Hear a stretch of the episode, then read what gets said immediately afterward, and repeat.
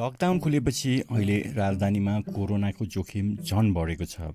दिनदिनै सङ्क्रमितहरू बढेको बढै छन्। त्यही भएर सरकारले राति नौ बजेदेखि बिहान पाँच बजेसम्म यो सडकमा हिँडडुल गर्न चाहिँ रोक समेत लगाएको छ। तर यस्तो बेला पनि आइतबार चाहिँ कुरा सुन्दै आङ सिरिङ्ग हुने हुँदा अपराधको घटना भयो। सबैभन्दा पहिला टाउको र खुट्टा नभएको लास सुत्केसमा फेला पऱ्यो भने त्यसको केही समयमा टाउको र खुट्टा भएको झोला भेटियो। धेरै समयपछि राजधानीलाई स्तब्ध पार्ने गरी यस्तो घटना भएको हो। संयोगले ठ्याक्कै दुई वर्ष अघि अर्थात् दुई हजार पचहत्तर साउन एक्काइस गते काठमाडौँको काँडाघारीबाट अपहरित एघार वर्षीय बालक निशान खड्काको हत्या भएको अवस्थामा सप भेटिएको थियो र त्यसको लगत्तै प्रहरीले दुईजनालाई इन्काउन्टर गरिदिएको थियो। आजको यो विभत्स हत्याबारे आइतबार रातिसम्म थाहा भएका र नभएका दस तथ्य यस्ता छन्। सबैभन्दा सुरुमा अहिलेसम्म थाहा भएका तथ्य एक कहाँ भेटियो? तोखा नगरपालिकाको वडा नम्बर दसमा पर्ने गोङ्गबु गणस्थान नजिकै नवज्योति मार्गमा पार्किङ गरिराखेका ट्याक्सी र मारुति भ्यानको बिचमा रातो प्लास्टिकले बेरिएको अवस्थामा एउटा सुत्केस भेटिएको थियो। यो सुत्केसको नजिकै चाहिँ रगत जस्तो देखिएकोले चाहिँ स्थानीयले प्रहरीलाई खबर गरेका थिए र प्रहरीले सुत्केस खोलेर हेर्दा त्यसमा टाउको बिनाको शव भेटेको थियो।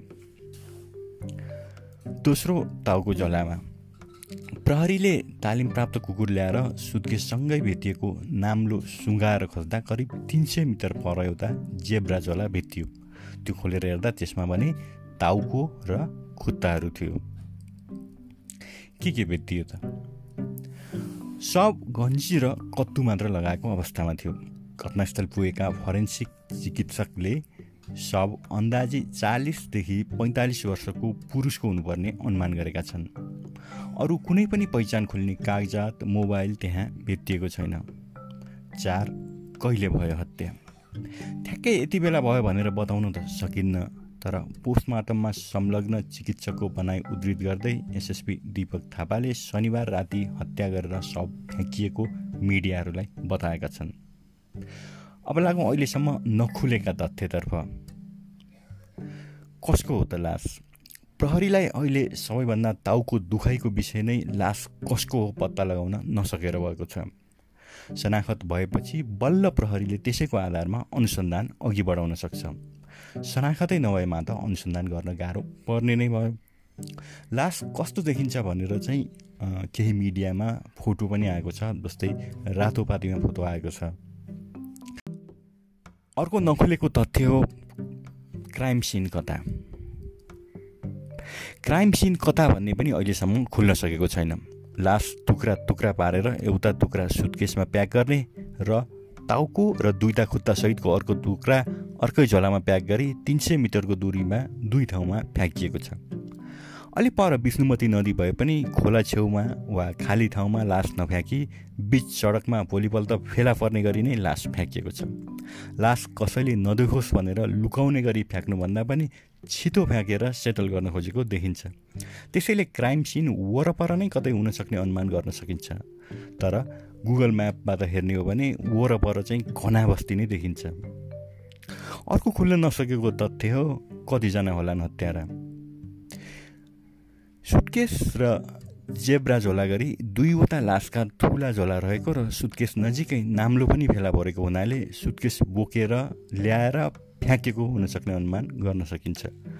दुईवटा झोला एकैजनाले एक्लै बोकेर एकातिर र अर्को अर्कोतिर फ्याँक्न गाह्रै पर्ने देखिन्छ। त्यसैले लास फ्याँक्न एकजनाभन्दा बढी मान्छे प्रयोग भएका हुन सक्छन् भन्ने अनुमान चाहिँ गर्न सकिन्छ।